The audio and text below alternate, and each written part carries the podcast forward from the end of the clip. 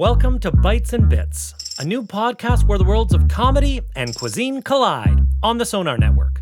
I'm Matt Mayland. I'm Hisham Kelati. We're professional comedians, foodies, and most importantly, the hosts. The recipe for the podcast is simple. We bite into our favorite dishes. It's amazing. It's so like it's just so tender. I don't even need to like mm. chew, which you mm. know is I don't mind chewing food, but if I don't have to chew, like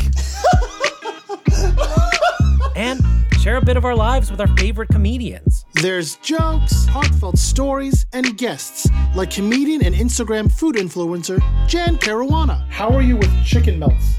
Again, it's the it's the hot mayonnaise. I think that that makes me kind of go like, not today, Lord. Like not today.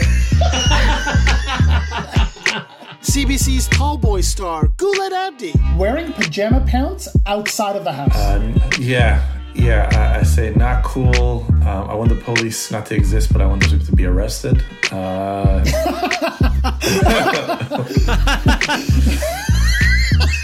The second city's Nkasi Ogbonna, You should know technically my mom had the first bite.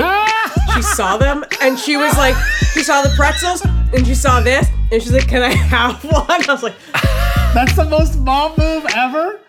And Canadian Screen Award winner Chris Siddiqui. The beautiful thing about all that, like having those cultures, is that you, you get the blandness of the potatoes and cauliflower from the from the from the waspy side, but then you get your Muslim family members going, "They're too bland. Here, let me do something with these. There you go."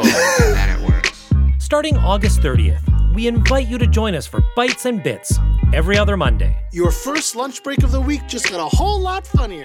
To make sure you don't miss a moment, subscribe now on Apple Podcasts or wherever you're listening right now. I'm eating my way to an early grave and I don't regret it. It's great. Yeah, absolutely. Sign me up. I'm on board.